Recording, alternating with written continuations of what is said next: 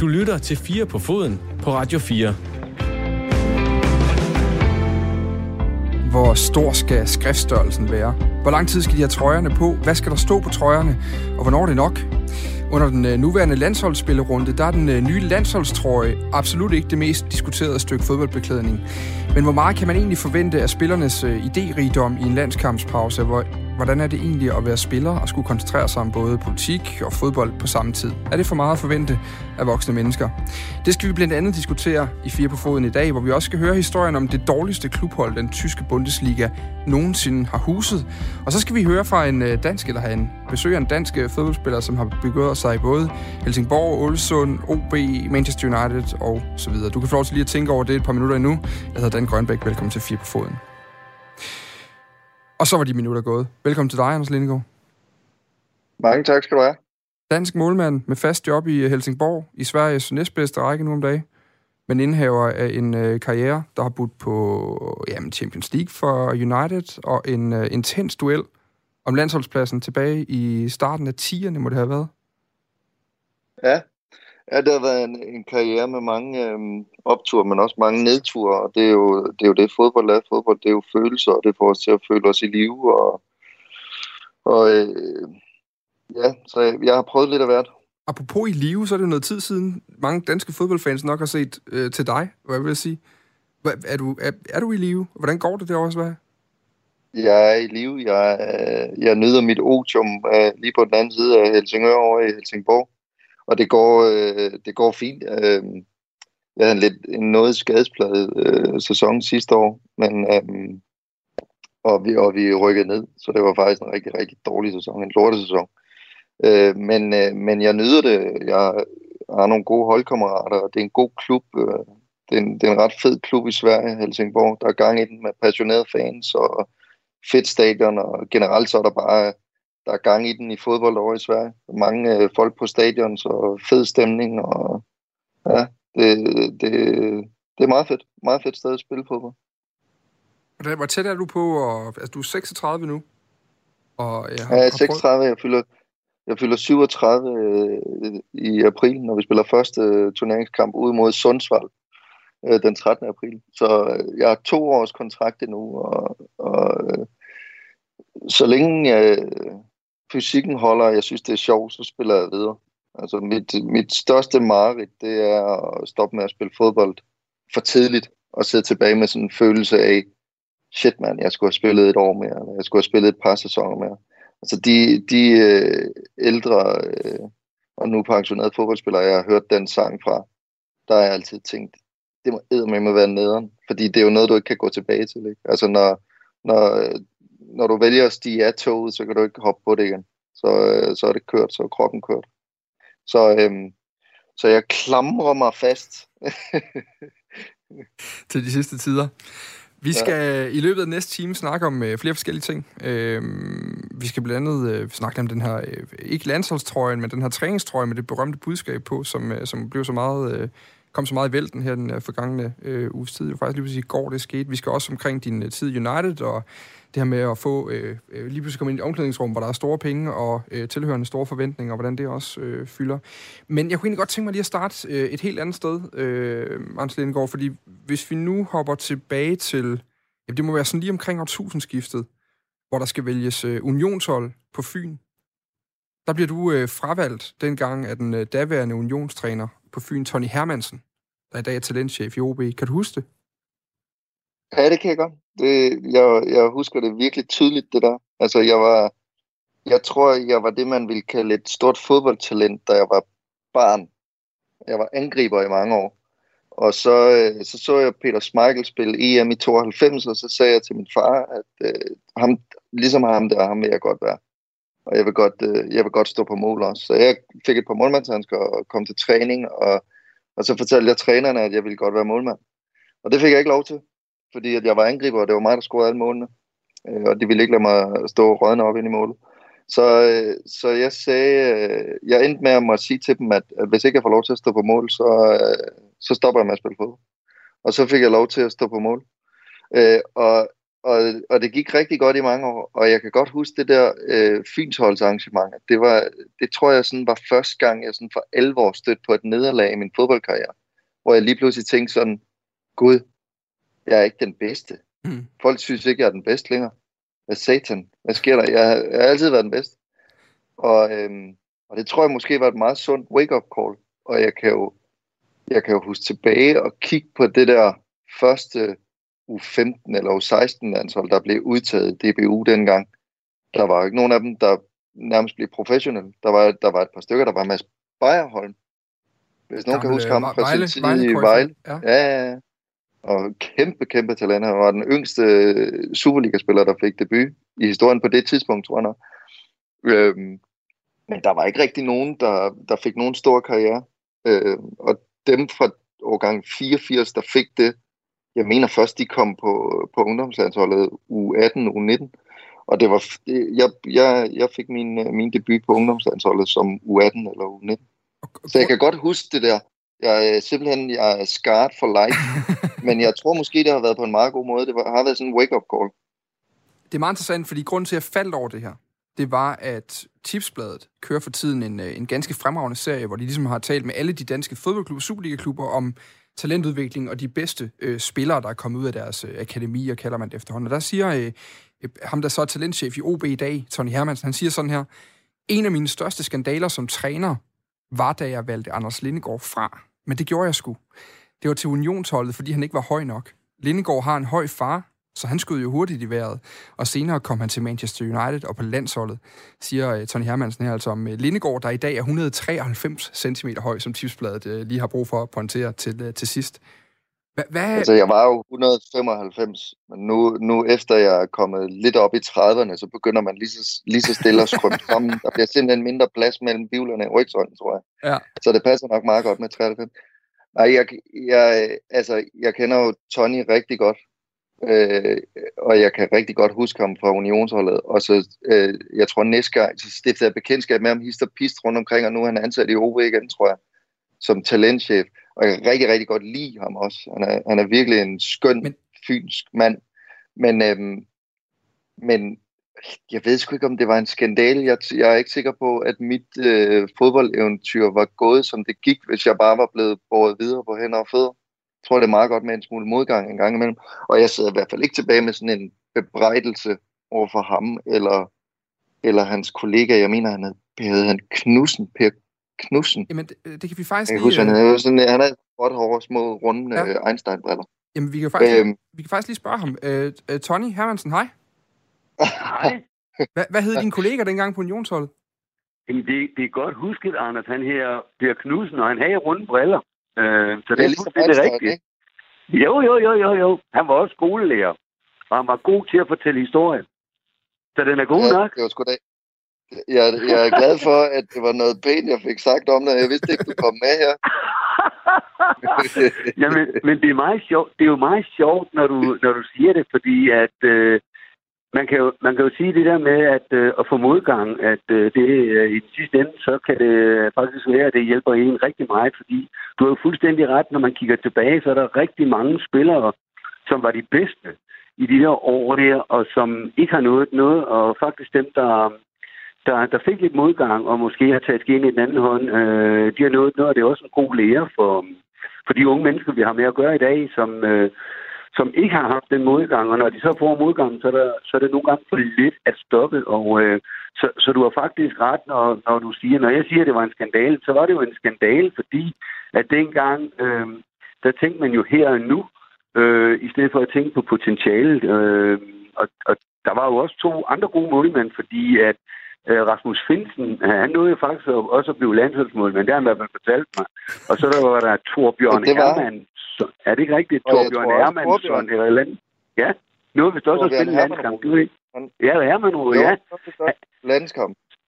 Så det var jo fantastisk at have øh, tre fynske målmænd, som, som nåede så langt. Og jeg tror endda også, at findes noget at komme til Norge og spille også. Så, så det er, jo, det er jo nogle målmænd, som har gjort det fantastisk. Så man kan sige, når jeg siger, at det var en skandal, så er det netop ud fra, at øh, det, det er i hvert fald noget, jeg har lært i dag, at fordi at man ikke har størrelsen med sig, når man er 16-17 år, så er det jo ikke ens tid med, at man ikke kan nå rigtig langt. Så det er jo et godt bevis på, at, øh, at man, øh, man kan nå rigtig meget, både øh, ved at man fortsætter, men også øh, tror på sig selv.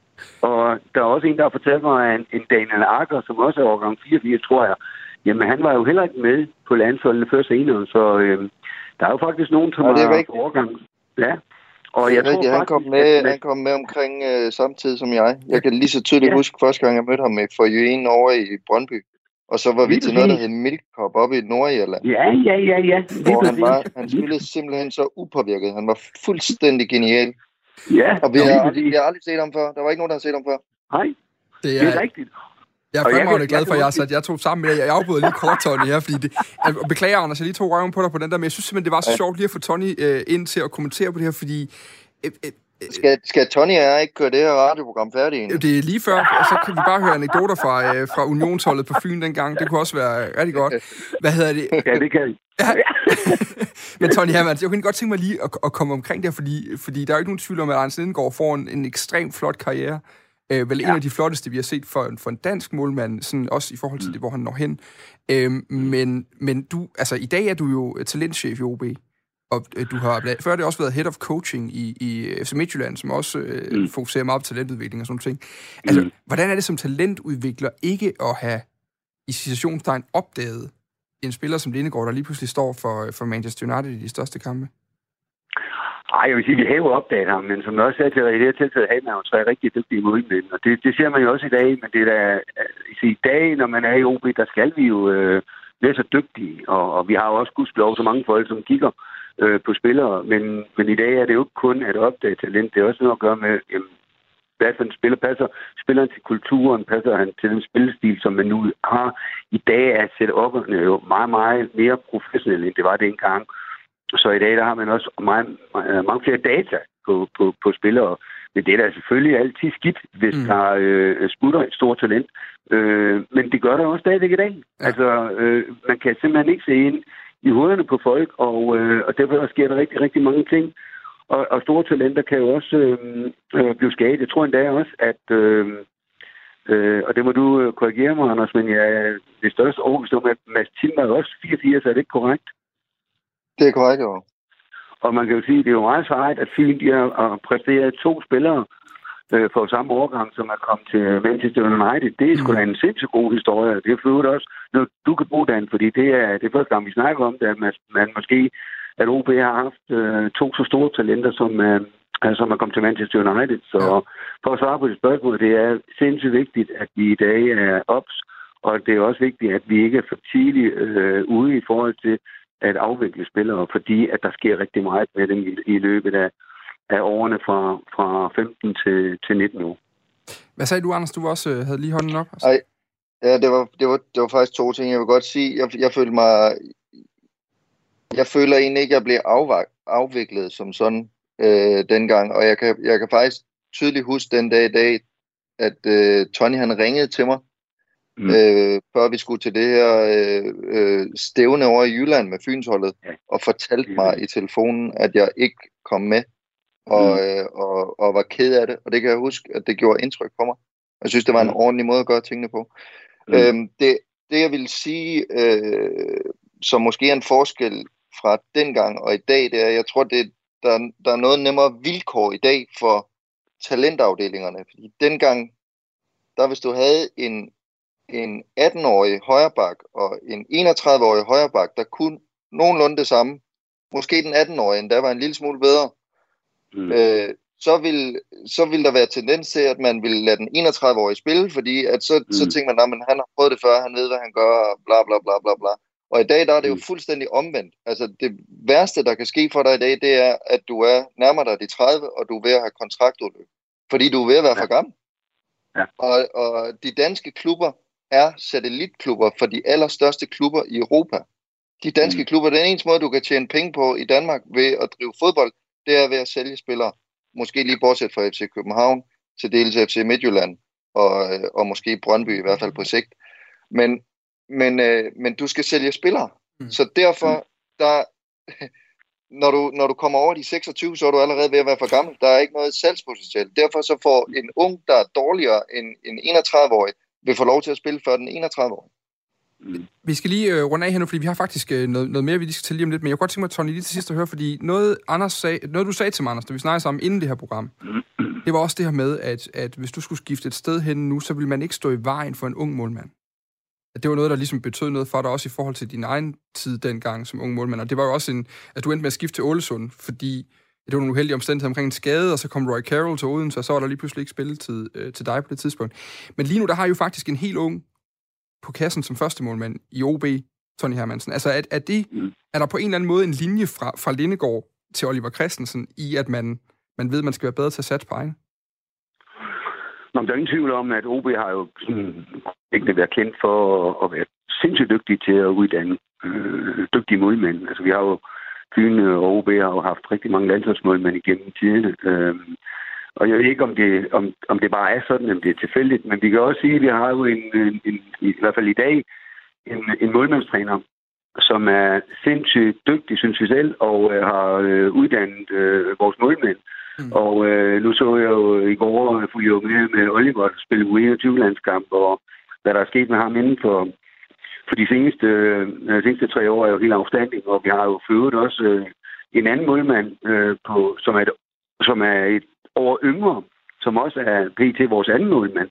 Så, øh, og det er begge to målmænd, der kom fra Akademi i dag, så øh, det er jo logisk, når jeg ser på Oliver, når jeg ser på øh, dengang på, øh, på Linde, øh, Lindegård, når man ser på Thomas Sørensen og hvad det her, de har jo øh, noget af det samme. Mm. Øh, og, øh, og det er ingen tvivl om, at, øh, at den måde, vi har gjort det på, det er også noget, at, øh, at, at som ligger som en, som en fast del af den måde, vi gerne vil uddanne vores målmænd på. Mm. Og, øh, og det ligger lidt op, kan man sige, at den måde, at øh, Lindegård også er på stadigvæk, selvom han i dag nærmer sig de 37 år, så, øh, og er blevet lidt mindre, men så passer det meget godt, at jeg sagde 1,93, så man kan se, at du er 1. men, ja, men tak igen, for det, Tony. Så, så, ja, men altså, der er jo også noget andet i det, fordi altså, dengang var du jo ikke så høj, vel? Øh, fordi at, øh, det skal man også huske, når man kigger på målmænd, altså, og specielt den alder, der er jo nogen, der kommer i puberteten før andre. Og, øh, og så er der nogen, hvor vi tror, at de bliver høje, og så er der nogen, som, øh, øh, som vi måske ikke lige tror bliver høje, men at liv bliver høje. Og derfor øh, må vi bare kende en ting, der er den store øh, ulempe ved at være målmand øh, og en talentfuld målmand, men at man skal have højden med sig. Ja. Og jeg tror ikke på, øh, at en målmand kan klare sig, hvis man er 1 meter og 80. Øh, det tror jeg simpelthen ikke på, øh, at øh, en målmand kan klare hverken i Superligaen eller, eller i hvert fald på international plan. Øh, men man er nødt til at have højden med sig. Tony Hermansen, tusind tak, fordi vi lige måtte uh, ringe for styret. Jeg tænkte, det kunne være sjovt lige at, lige at sætte dig sammen med Lindegård ja. i dag. Lige se, hvordan... Og det var øh, hyggeligt, og det var hyggeligt at snakke med, med dig, Anders, og, og held og lykke deroppe. Og uh, jeg giver altid en Tony. hvis du kommer forbi. Ikke Ja, jeg skal nok sige det. det er godt. tak for det, Hermansen. Hej. Hej. Hej, hej. hej. Øh, Anders, jeg beklager, at jeg lige fik taget røven på det der, men jeg tænkte det simpelthen, det kunne være en, en fin lille ting. Men, men jeg kunne egentlig godt tænke mig lige at spole nogle år frem, for lige at, at runde OB-tiden af. Altså, der er jo den her øh, sekvens, hvor du, hvor du skifter væk under, med, med en del skuffelse i dig også, over ikke at have, have, have taget målmandstrøjen i, i OB sådan fast. Det var egentlig lå lidt til det, men så blev du, var du uheldig med en skade, øh, og så, så kom Ian øh, Roy Carroll til, og så, så var det ham, der stod. Øh, er der noget er der sådan noget uforløst i OB i dag? Er der noget, du godt kunne tænke dig at komme tilbage og, øh, og få slået fast, inden karrieren er slut, eller, eller er det et lukket spil? Nej, det, det, det, det, det er lukket. Øhm, det, om du mener, om der er noget uforløst. Er der, jeg ved ikke, hvad du, præcis, tilbage hvad du mener. Det? Er der skuffelse tilbage i det over, at det ikke blev til Nej, det, det, det, nej yes, det, det, det er der ikke. Altså, øhm, jeg, for det første, så tror jeg slet ikke på det der med at tage tilbage. Altså, jeg kunne også være taget tilbage til Olsund, der er fantastisk op, både som fodboldspiller, men i høj grad også som menneske. Men jeg tror ikke på det der med at prøve at genskabe ting, som har været godt fordi at det kommer til at være mere ødelæggende, end det kommer til at være, være godt igen. Øhm, også, for, også for den fortid, man har et sted. Men, men der er ikke, altså, jeg, jeg, var, jeg var sindssygt skuffet dengang, jeg skiftede væk fra OB, og jeg synes, at det var nogle inkompetente øh, idioter, for nu at sige det, som det var. Og det, det synes jeg nok ikke i lige så høj grad den dag i dag, men det synes jeg, det var dengang. Og, og jeg, var, jeg var sur, og jeg var skuffet, og, og jeg var nok også såret på en eller anden måde. Øhm, over det, jeg havde knoklet for i 20 år, var det på det tidspunkt. Jeg havde, jeg havde spillet den klub i 20 år. Det blev taget fra mig på grund af en, øh, øh, jeg følte, det blev taget fra mig på grund af, at jeg fik et trælår i lægen, der gjorde, at jeg fik blod i min ankel.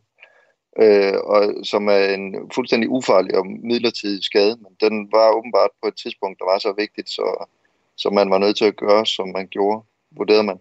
Og det var jeg, det var jeg sur skuffet om, det er, det, det er ikke længere, det, øh, det kan jo ikke hænge sig sådan i, i fortiden. Og, øhm, og jeg er heller ikke sikker på, at jeg havde noget at opleve alle de samme ting, som, som jeg har fået lov til, hvis jeg var blevet i OB.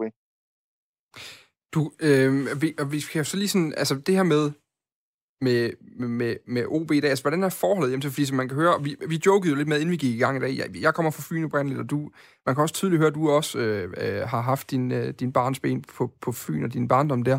Altså, øh, er der stadig noget forhold til OB, som er intakt, og til dansk fodbold i det hele taget, eller eller fordi du har jo øh, brugt langt størstedelen af din karriere i udlandet, og det er også der, du har haft din succes.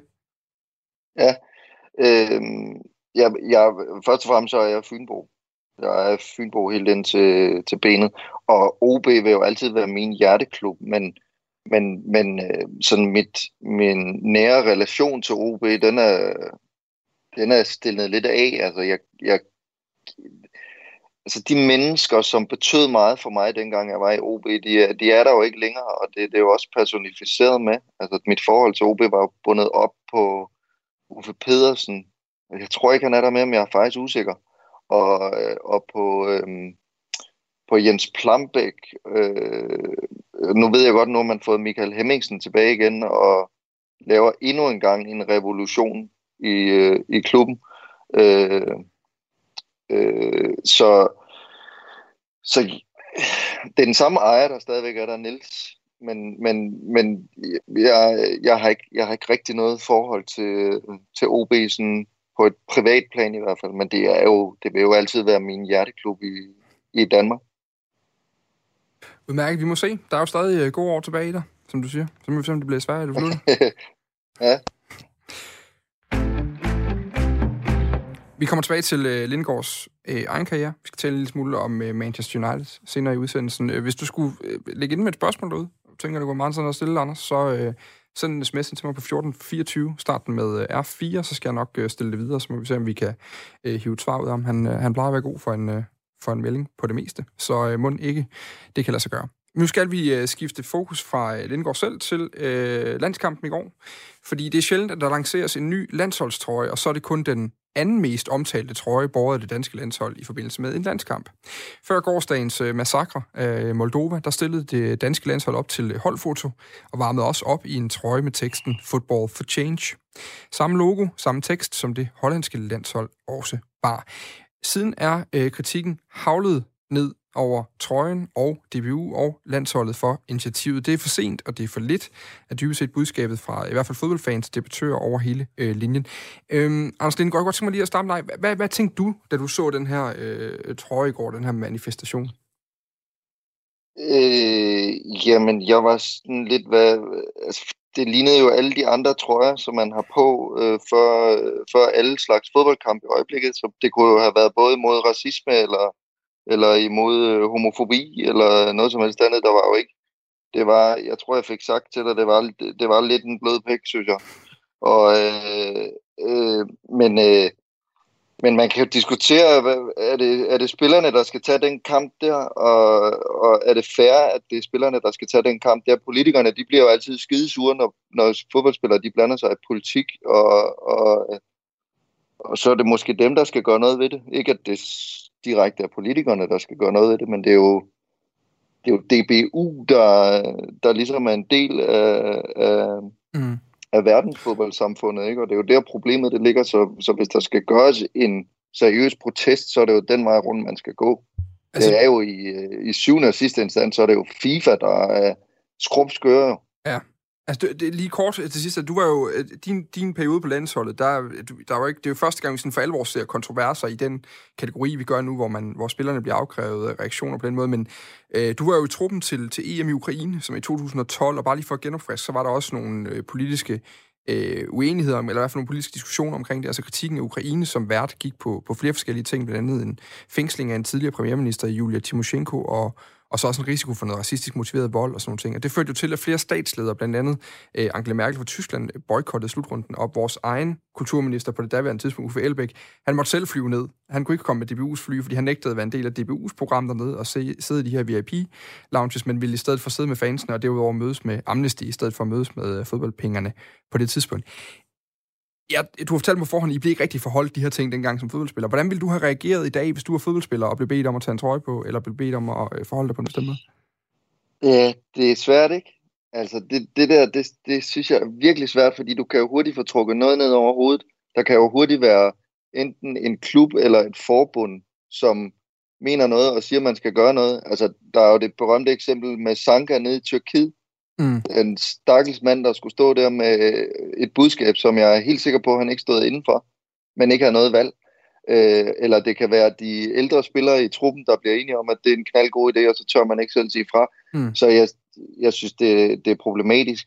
Jeg synes, øh, jeg synes, det er problematisk, og, og jeg synes jo, det, det, det, det er, jo, det er jo flot, når de når til enighed omkring det, og jeg, jeg synes også, at, øh, at øh, det, kan, det kan noget i en eller anden grad, og det kan noget i endnu højere grad, når man som det tyske landshold gjorde det, øh, ved at stå med trøjer, hvor der stod human rights på. Der var man ikke i tvivl om, hvad budskabet det var Nej. overhovedet.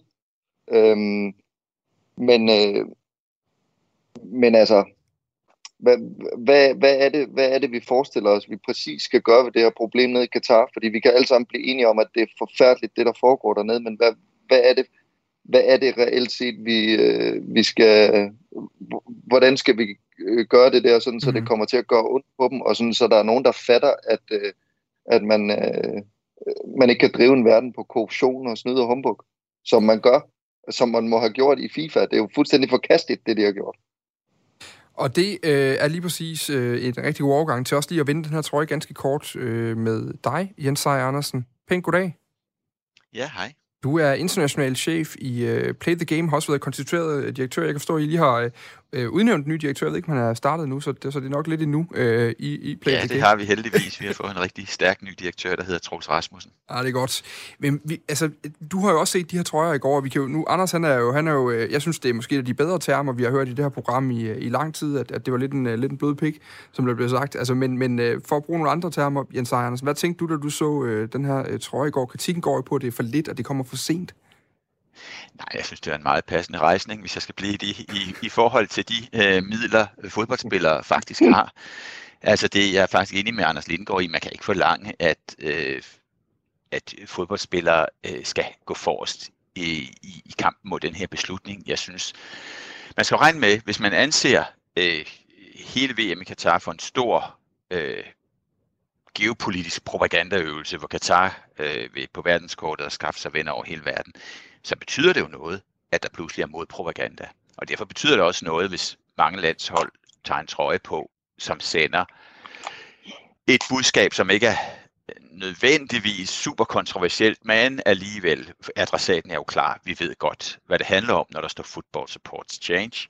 Og øhm, øh, så jeg synes faktisk, det var et godt initiativ, men det må selvfølgelig ikke stoppe der, og det er ikke sådan, at nu kan man læne sig tilbage og sige, jamen nu har vi øh, vist, hvad vi vil, og, og så kan øh, alle øh, spille trygt videre. Nej. Det skal ses i sammenhæng med, at øh, DBU jo også arbejder med andre forbund for at skabe alliancer, der kan lægge et stærkere pres på FIFA, for det er FIFA, der skal mm. forlange mm. noget mere af Katar.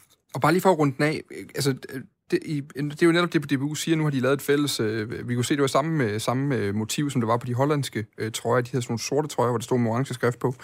Men øh, kunne, kunne det have givet noget ekstra, hvis vi var i situationstegn kommet først med det her, eller er DBU's øh, model om at gøre det sammen med Holland og andre forbund øh, mere fornuftigt, og så er tid, tidsrammen egentlig lidt ligegyldig? Tror du? Det er helt enormt vigtigt, at landene ikke står alene. Det bliver meget nemt et slag i luften. Det gør meget mere indtryk, øh, når nogle lande, en gruppe lande øh, står sammen om det her, også en gruppe vigtige fodboldnationer, mm. må man sige det er. Og øh, øh, det er klart, det er ikke rart, hverken for FIFA øh, eller, for, eller Katar, og det er jo ikke sikkert, at det sidste landshold øh, har markeret sig. Plus, at arrangørerne VM kan jo så tænke, jamen hvad sker der så, når først holdene kommer til Katar? Mm. Får vi så endnu stærkere budskaber frem? Så vi er begyndt at se det pres, man har efterspurgt i, i lang tid. Ja. Så jeg synes, jeg synes måske, det er lige hårdt nok at, øh, at øh, afskrive aktionen som ligegyldig og, og for sen osv. Men jeg synes, det sådan set er godt, at fans protesterer og har så klar en stemme i den her debat, for det er jo med til at lægge pres på alle, på medier, på politikere, på forbund, på spillere, når dem, der er kernen i det hele, nemlig fodboldens fans og tilskuere og tv-seere, øh, det er jo os, der får hele forretningen til at køre rundt. Og vi kunne måske gå endnu videre, hvis jeg må komme med et forslag. For mm. hvis man synes, der sker for lidt, så kan man jo selv sørge for, at der sker noget mere ved ganske fredsomligt at skifte kanal, når der er landsholdsfodbold på skærmen, eller lade være med at se helt så meget, som man plejer at VM i Katar, måske slet ingenting.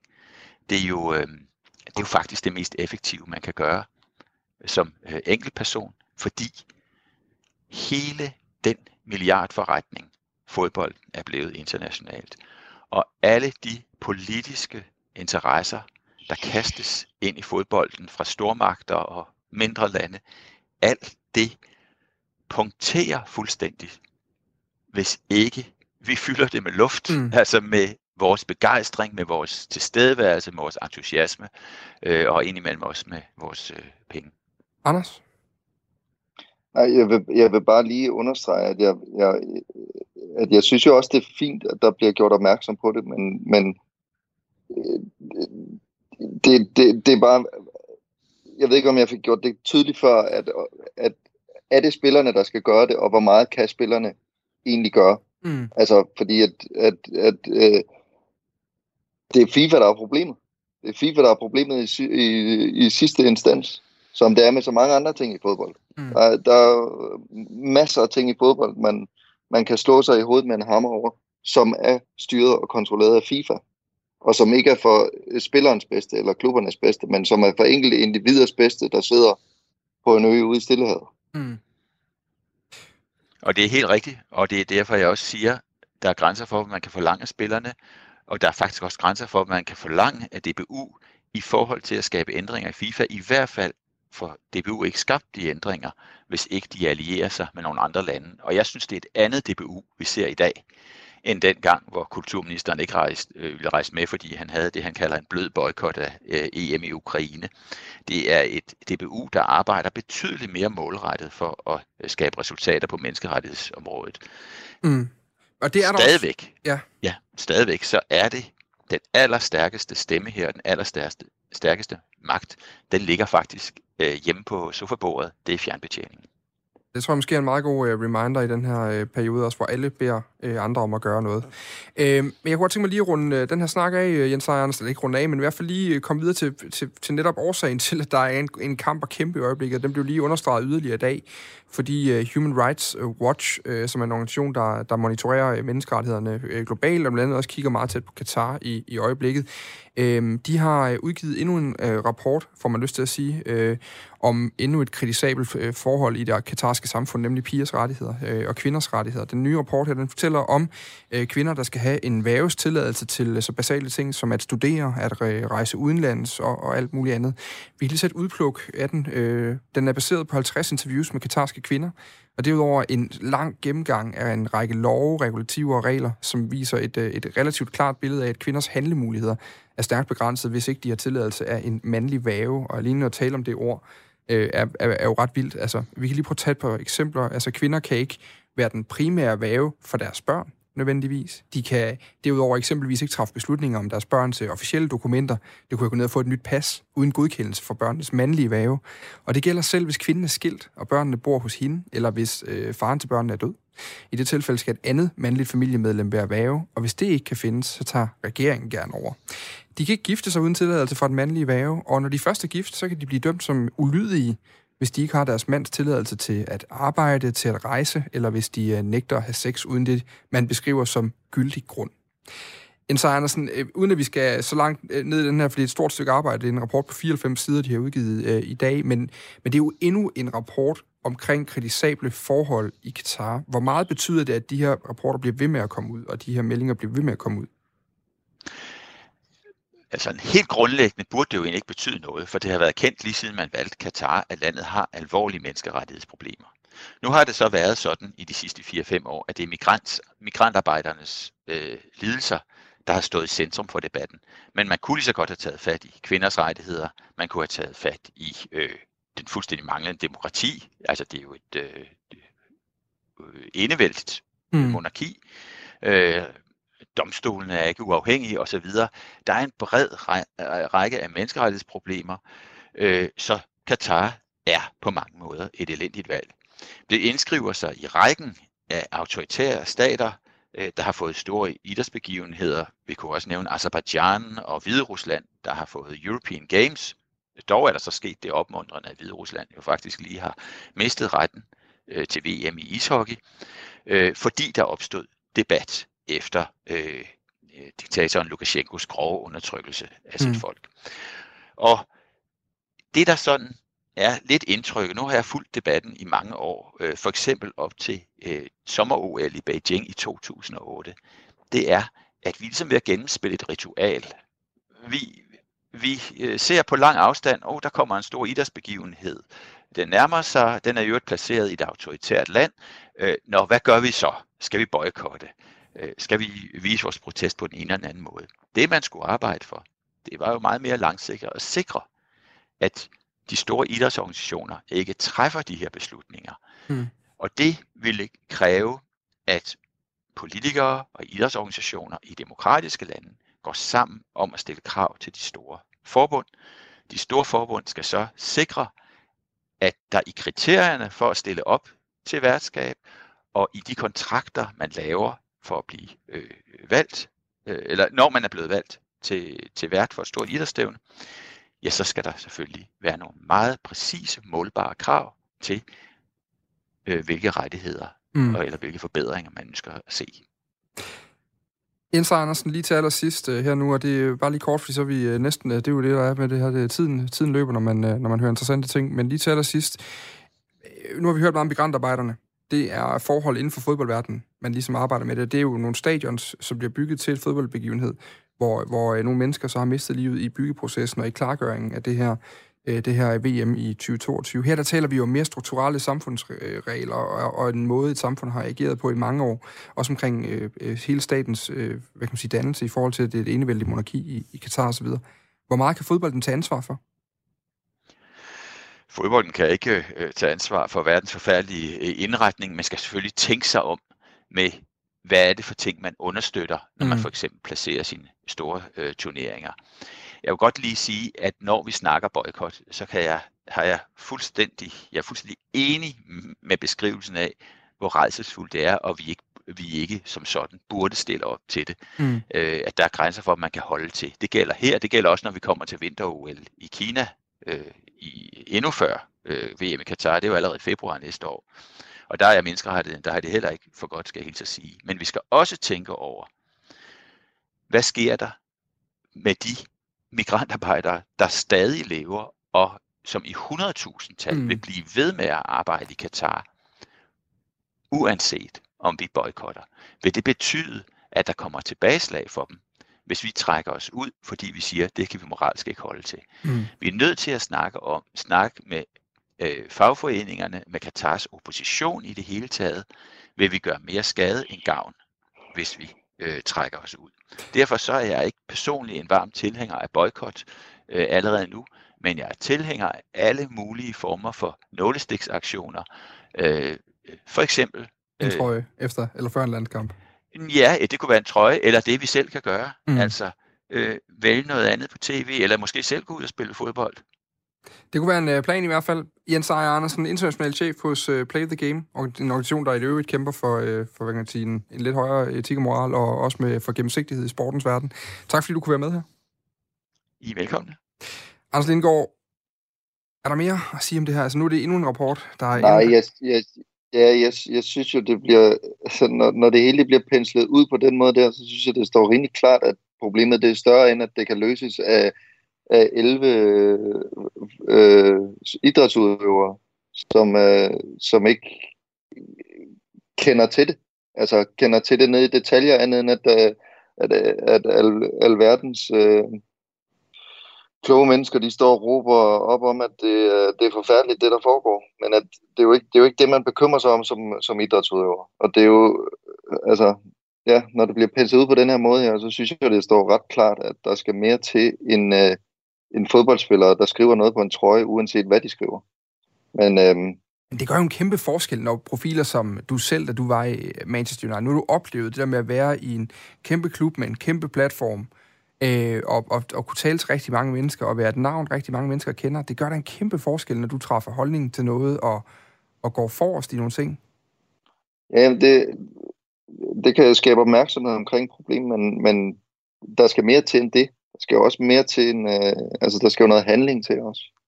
Der skal jo andet end en, øh, end en, end en øh, passiv protest til. Mm. Øh, og hvad der skal til, det, det, ligger, det ligger altså på et højere niveau, end, øh, end det de, øh, de 22 spillere inde på grøntsværen, de skal, de skal levere.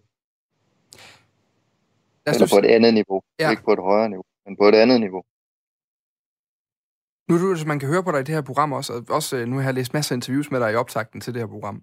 Altså, du, øh, du, øh, du er jo en fodboldspiller, der skiller dig lidt ud fra mængden ved at i den grad stå ved dine meninger om mange ting, og også øh, være relativt ærlig om, hvad du synes om alt lige fra klubforhold til, til, til fodbolden som, som generelt ting. Altså, hvis du nu blev bedt om at stille op, lad os sige, at jeg ved, jeg ved sgu ikke, hvor mange målmænd, der skulle være skadet, før de ringede til dig. Til, det er ikke nogen kritik, men, men det tænker jeg, der, der du står... Starte med, jeg kunne starte med at ikke selv at være skadet. Ja, det er jo sådan det næste ting. Men, men vil du stille op? Til, altså, er der grænser for, hvad man vil stille op til som fodboldspiller? Især når de her rapporter bliver med vælte ind med problemer og så videre. Vil man stadig bare sige, ja, det vil jeg gerne? Det, det er et godt spørgsmål. Altså, hvis du havde spurgt mig i, øh, dengang det var det aktuelt, øh, aktuelt, så havde jeg nok svaret, svaret ja. ja. og det er jo nemt for mig at sidde nu og sige, nej, det skal vi fandme ikke. Ligesom det er jo pisse nemt for Norge at sige, at øh, det er forkasteligt, og folk bør boykotte øh, VM i Katar. Øh, I og med, at de, de, øh, de måske ikke har de samme muligheder. Ej, nu ved jeg ikke, nu råder mig ud noget her. De er jo ved at have et godt landshold, og har måske gode muligheder for at komme med til VM. Mm. Men, øh, men øh, øh, nej, jeg, jeg tror, jeg, jeg skal indrømme, jeg, jeg tror ikke, jeg havde sagt nej, hvis jeg var blevet bedt af mit, øh, af mit land om at, at repræsentere landet til, til et VM. Altså, det er jo en... Øh, jeg synes jo, han siger det rigtigt nok. Øh, øh, Jens Andersen her. Ja, at, at meget af magten, den ligger jo ude hos den enkelte forbruger, ikke? I, og, og så må man jo boykotte det, og så må man jo lade være med at købe en, øh, en avocado, der kommer fra Katar. Nu ved jeg godt, de nok ikke laver avocado, men så må, man, må, man må gøre noget selv. Det er så nemt at sidde derhjemme og være, øh, og være, og være klog på sofaen. Ligesom det også er så nemt for mig at, at sidde her mm. derhjemme og, og, og være heldig og sige, nej, det kunne jeg aldrig finde på at tage med til. Men, øhm, men, øh, men det, det, er jo, det er jo der, magten ligger i sidste ende. Det er jo, at, at øh, man i flok så skal, skal, skal sige, så vil vi ikke følge med i det, eller vi vil øh, boykotte det på sådan en eller anden måde. Mm.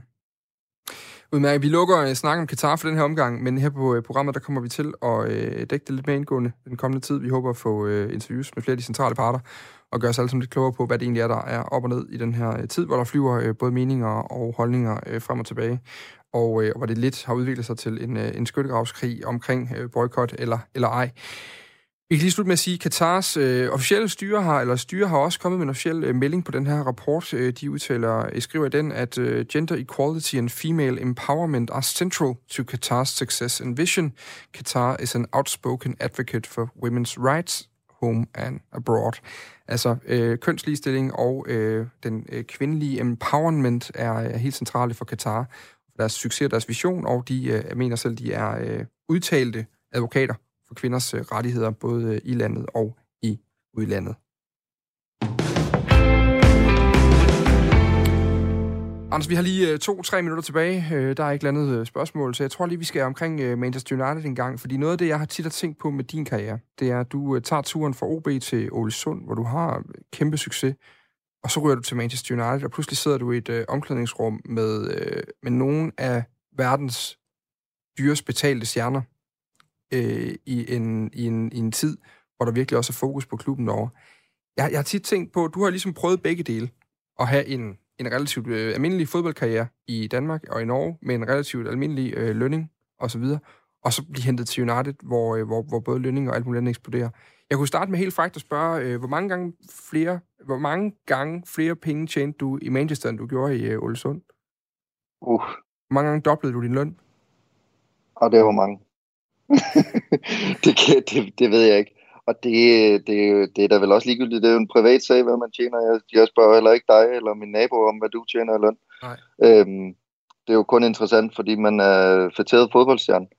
Øhm, men øh, ja, det, det jo egentlig svar på de spørgsmål. Det var det. Og ja, grund til, at jeg spørger, det er også mere, fordi jeg har tit tænkt på, når du kommer fra har jo arbejdet sammen med fodboldspillere i Norge og i Danmark, som, øh, som også øh, knokler på træningsbanen hver eneste dag, går ind og gør sig umage i weekenden, løber ud igen, og så rykker over til en, til en helt anden liga, både økonomisk, men også niveaumæssigt selvfølgelig, Manchester United. Har du nogensinde tænkt tanken, at, at lønningerne var stukket af? At, det, at man er for dyrt betalt? Ja, altså det, det, det, det tænkte jeg jo dengang jeg var lidt yngre. Jeg kan jo godt huske, at, at det begyndte at komme op i tiden og diskutere det dengang, at de store penge og de store tv-aftaler, og dermed de store penge for alvor øh, begyndte at gøre indpas i engelsk fodbold. Øhm, der tænker jeg også, at det var da helt vildt, og det havde der ikke nogen, øh, det havde der ikke nogen, øh, altså det var, havde jo ikke noget med virkeligheden at gøre, så videre, så videre. Men jeg skal indrømme, at da jeg kom derover og blev en del af det, og levede det liv, som det kræver, man lever, når man er en del af det, øh, den dedikation, man er nødt til at ligge i det, der, øh, der fik jeg fuld forståelse for, og har stadig fuld forståelse for, at de tjener så mange penge, som de gør. Det er ekstremt hårdt arbejde at være en del af en af verdens bedste fodboldklubber. Eller at bare, og, bare, bare. Men at spille i, i verdens bedste fodboldliga, Premier League. Mm. De store klubber der, de spiller der, de er under så kolossalt et pres, og de kan noget så helt ekstraordinært som altså næsten alle små drenge, de drømmer om at kunne en dag. Men de kan det. De gjorde det. Og de havde talentet, de havde dedikationen, de havde øh, disciplinen øh, til at blive til det, de er blevet til. Til at blive til den, som næste generation af små unge drenge, de drømmer om at komme til at blive. Det er noget ekstraordinært, og jeg har fuld forståelse for, at de bliver betalt for det. Og hvis du spørger mig, så synes jeg heller, man skulle tage og diskutere, hvorfor øh, hvis, hvis man skal diskutere, øh, diskutere, hvad folk de tjener osv., så, videre, så skulle man da hellere til at diskutere, hvad folk de tjener på at spekulere i kryptovaluta, eller, eller short aktier, eller sådan et eller andet pis, som jo absolut ikke har noget hold i virkeligheden. Anders Lindgaard, det har været en gigantisk fornøjelse at besøge dig. Eller det er besøg, du har siddet hjemme i dit eget øh, hjem og været med på en timeforbindelse. Jeg satser på, at vi gør det virkelig på et tidspunkt. Ja, det har også været en fornøjelse at være med. Tak fordi jeg måtte være med. Det er klart. Du er velkommen til øh, hver en tid. Øhm, og det blev altså ligesom øh, afrundingen på, øh, på den her snak øh, med øh, Lindgaard i dag. Øh, og så kan det lige være en varm anbefaling til at få set noget svensk fodbold. Altså det, øh, jeg blev lige igen, da jeg sad og researchede på, øh, på Lindgaard og hans tidsvej, fanget af et øh, land, hvor der altså er flere spillere, eller flere fans på stadion, under normale omstændigheder, end der er i Danmark, og hvor, øh, hvor man ikke nødvendigvis øh, alle klubberne er solgt til amerikanere på, øh, på godt og ondt.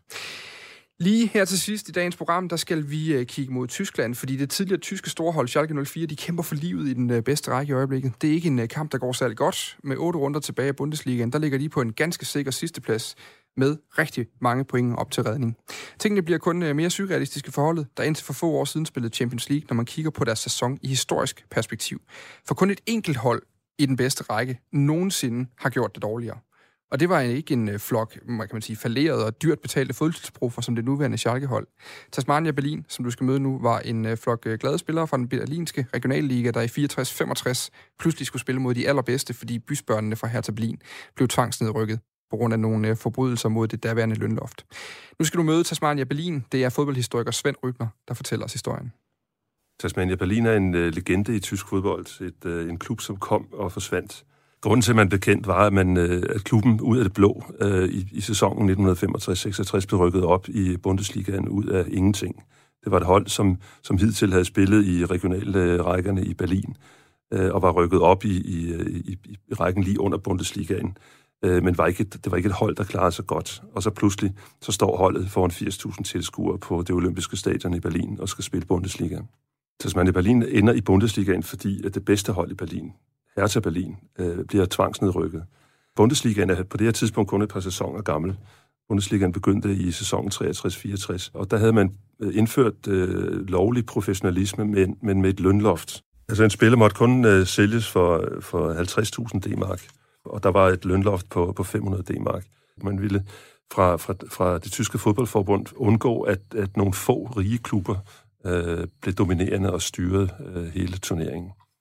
Og det gjorde, at man, man så indførte øh, de her øh, lofter over, hvor meget spillere og øh, måtte tjene, og hvor meget det måtte sælges for. I praksis så kom, så, så kom det her lønloft jo ikke til at fungere, fordi at øh, det, det banede vejen for en lang række lyssky handler med, med penge under bordet og, og, og skjulte plastikposer og, og, og hvad hedder det, skjulte bilag. Da hvad hedder det, Hertha bliver tvangsnedrykket, så skal man jo finde en erstatning. Og af politiske grunde, så vil man gerne have, at det er et andet hold fra Berlin. Man vil gerne have, at, at Berlin er repræsenteret i, i vest, den vesttyske Bundesliga. Og så spørger man øh, det næstbedste hold, Tennis Borussia, øh, om de vil være med. Øh, de, de siger så nej. Det næstbedste hold i, i, i rækken under Bundesligaen, Spandau, øh, vil heller ikke. Og så kommer øh, turen til Tasmania, og de siger så ja. Øh, og de får så 14 dage til at forberede sig fra en tilværelse i, i amatørrækkerne øh, under Bundesligaen til at spille Bundesliga. Spillematerialet er ikke ret godt. Øh, man får købt nogle spillere. Der er en en, øh, en spiller, Uli Sand, som øh, har spillet for lokalrivalerne Varka 04. Han er, han er kendt for sit frispark i, i de her lavere rækker. Og der er en episode med, øh, hvor, hvor øh, Tasmania lidt senere i sæsonen møder øh, Bayern München, som rykker med op i Bundesligaen i den, i den her sæson. Og øh, Uli Sand øh, skal tage et frispark op i midtercirklen, og han er jo kendt for sit frygt, sine frygtede dødbold i, i, i de lavere rækker. Så han spørger i ramme alvor øh, Frans Beckenbauer, om ikke Bayern vil sætte en øh, forsvarsmur op. Og, og Beckenbauer kigger vantro på ham, fordi frisparket bliver, det, det skal tages helt op fra midterlinjen. Men han, han gentager det så, da Sepp Meier, målmanden for Bayern, kommer ud for at høre, hvad der foregår. Så spørger han, vil I virkelig ikke have en forsvarsmur? Og de kan jo ikke holde sig på, altså de, de er jo ved at falde om med grin. Og Uli Sand banker også bolden ud af stadion øh, efterfølgende. Man får også penge øh, til at, at købe en, en øh, sådan lidt afdanket øh, gammel landsholdsspiller, Horst Simaniak. Horst Simaniak øh, er en dreven, erfaren spiller, der, der oprindeligt kommer fra, fra øh, Wuppertal, men han har spillet mange år i Italien. Øh, og han har spillet øh, på det tyske landshold, han har spillet 43 landskampe, han har været med til slutrunden både 58 og, og 62, hvor han har spillet alle de kampe, Vesttyskland spillede ved den lejlighed, eller ved de to lejligheder. Han bliver så efterfølgende vraget til, til, til hvad det, VM-truppen til 1966 efter den her sæson, vi, vi taler om. Og det er der var gode grunde til. Men han har spillet i Italien, og han mener ikke, at, at han har brug for en spilleragent, så, så han forhandler sin egen kontrakt. Og et af de springende punkter omkring, omkring den kontrakt, det er, at Symaniak vil gerne have en andel i billetindtægterne. Og så senere fortæller han en, en holdkammerat, at øh, han siger, at klubben prøvede at spise mig af med en tredjedel. Men øh, den hoppede jeg sgu ikke på. Jeg, jeg forlangte og fik en fjerdedel. Ja, altså, man kan sige sammenfattende, så bliver øh, Tasmania kaldt for, for Bundesligaens skydetelt de scorer, altså i, i løbet af 34 kampe i Bundesligaen, der scorer de selv 15 mål, og indkasserer 108 mål, altså det er jo cirka tre mål per kamp. De vinder den allerførste kamp øh, på det olympiske stadion 2-0 mod Karlsruhe, så går det ellers ned ad bakke. Der er nederlag på, på 9-0 og 5-0 og 6-0 osv. De får i løbet af sæsonen kun et enkelt point på udebanen. Forløbig så står de med færrest point nogensinde, 8 point. Günther Netzer, som var spillet for, for Borussia Mönchengladbach, som var kommet op i Bundesliga. Netzer, som jo blev en af de absolut største spillere i tysk fodboldhistorie. Han blev spurgt om, hvordan, hvad, hvad synes du om, om Tasmania øh, efter kampen, hvor, hvor de øvrigt øh, kun spillede 0-0 mod, mod Tasmania. Så sagde han, jamen altså, man kunne ikke se på dem, at de var, at de var oprykkere. De spillede som et hold reserver. Historien om Tasmania afspejler jo i virkeligheden, hvor, hvor amatøragtigt tysk fodbold generelt var. Øh, fordi en ting er, at Tasmania ikke var forberedt til at spille i den, i den bedste række, men hvordan kan man forestille sig en professionel fodboldrække, der tillader et så dårligt hold som Tasmania at rykke op? Altså, historien om Tasmania Berlin er, er fascinerende, synes jeg, fordi at den afspejler, et, at Tyskland er, er meget mere end det, der møder øjet. Øh, Tyskland er et, et meget stort, meget mangfoldigt øh, land. Det er ikke den her, det lever ikke op til fordommen om kæft, kæft, øh, trit og retning. Øh, det er et land med en meget frodig og, og interessant kultur, og, og med en masse historier, som, som, øh, som vikler sig ind og ud mellem hinanden. Og historien om Tasmania Berlin, det er svært at forestille sig, at, at sådan et hold vil rykke op i den bedste række i England, for eksempel. Og ikke desto mindre, så betragter mange af os jo englænderne som mere joviale end den gennemsnitlige tysker. Så jeg synes, at den her historie om Tasmania er et, et, et, et, giver Tyskland og tysk fodbold et menneskeligt ansigt. Og nu må vi se, om Schalke så når at øh, overgå eller undergå Tasmania Berlin inden da. Lige om lidt er der øh, fokus på afrikansk klubfodbold. Lige nu er der nyheder. Klokken er 18.